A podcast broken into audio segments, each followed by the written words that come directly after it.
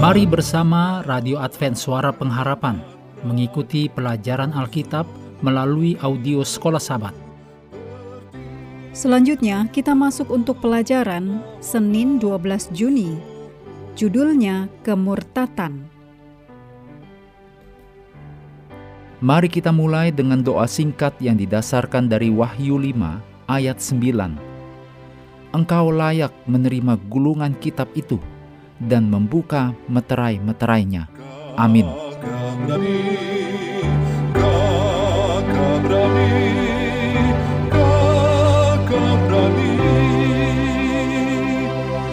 Rasul Paulus dalam 2 Tesalonika 2 ayat 3, 4, serta 9 sampai 12 menubuatkan tentang hari-hari terakhir ia memberitahu kita tanda pengenal untuk binatang itu, si pendurhaka, kuasa antikristus, yang disebutkan sebagai lawan yang meninggikan diri di atas segala yang disebut atau yang disembah sebagai Allah.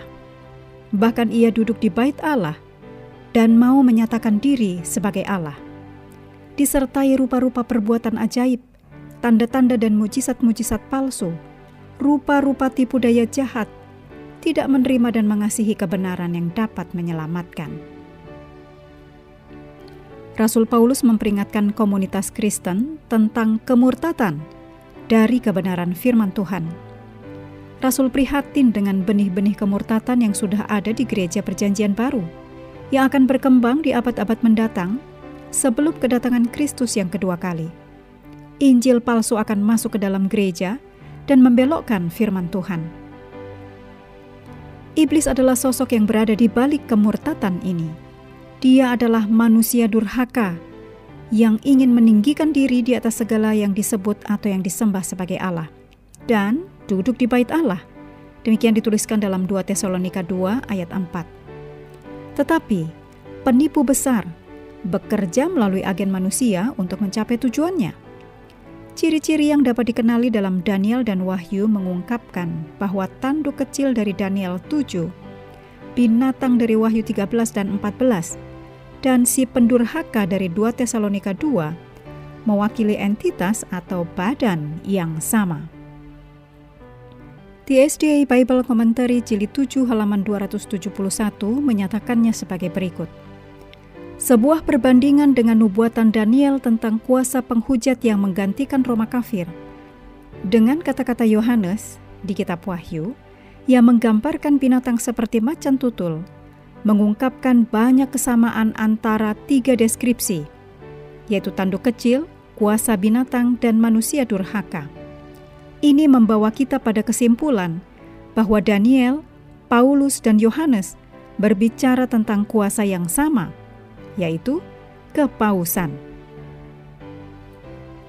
Sangat penting untuk diingat bahwa nubuatan kitab suci sedang menggambarkan sebuah sistem agama yang telah mengkompromikan firman Tuhan, menggantikan Injil dengan tradisi manusia, dan menyimpang dari kebenaran Alkitabiah.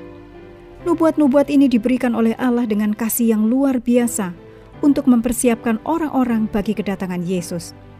Ini adalah teguran bagi organisasi-organisasi keagamaan yang murtad yang telah menyimpang dari firman Tuhan. Meskipun belum tentu dengan orang-orang di dalamnya, yang oleh Wahyu 18 ayat 4 disebut sebagai umatku. Pekabaran umat Tuhan adalah tentang sistem yang telah menipu jutaan orang. Meskipun tertipu, orang-orang ini sangat dikasihi oleh Kristus. Oleh karena itu, umat Tuhan harus memperlakukan orang-orang yang tertipu ini sebagaimana mestinya. Matius 7 ayat 12 menuliskan, Segala sesuatu yang kamu kehendaki supaya orang perbuat kepadamu, perbuatlah demikian juga kepada mereka. Itulah isi seluruh hukum Taurat dan kitab para nabi. Kita harus menerapkan prinsip ini dalam menangani tema kuasa binatang dalam Wahyu 13 dan 14. Mengakhiri pelajaran hari ini, mari kembali ke ayat hafalan kita. Wahyu 7 ayat 2 dan 3. Dan aku melihat seorang malaikat lain muncul dari tempat matahari terbit. Ia membawa materai Allah yang hidup, Dan ia berseru dengan suara nyaring kepada keempat malaikat yang ditugaskan untuk merusakkan bumi dan laut. Katanya, Janganlah merusakkan bumi atau laut atau pohon-pohon sebelum kami memeteraikan hamba-hamba Allah kami pada dahi mereka. Kami terus mendorong Anda mengambil waktu bersekutu dengan Tuhan setiap hari, bersama seluruh keluarga, melalui renungan harian, pelajaran Alkitab sekolah sabat, juga bacaan Alkitab sedunia. Percayalah kepada nabi-nabinya yang untuk hari ini melanjutkan dari Mazmur 37. Tuhan memberkati kita semua.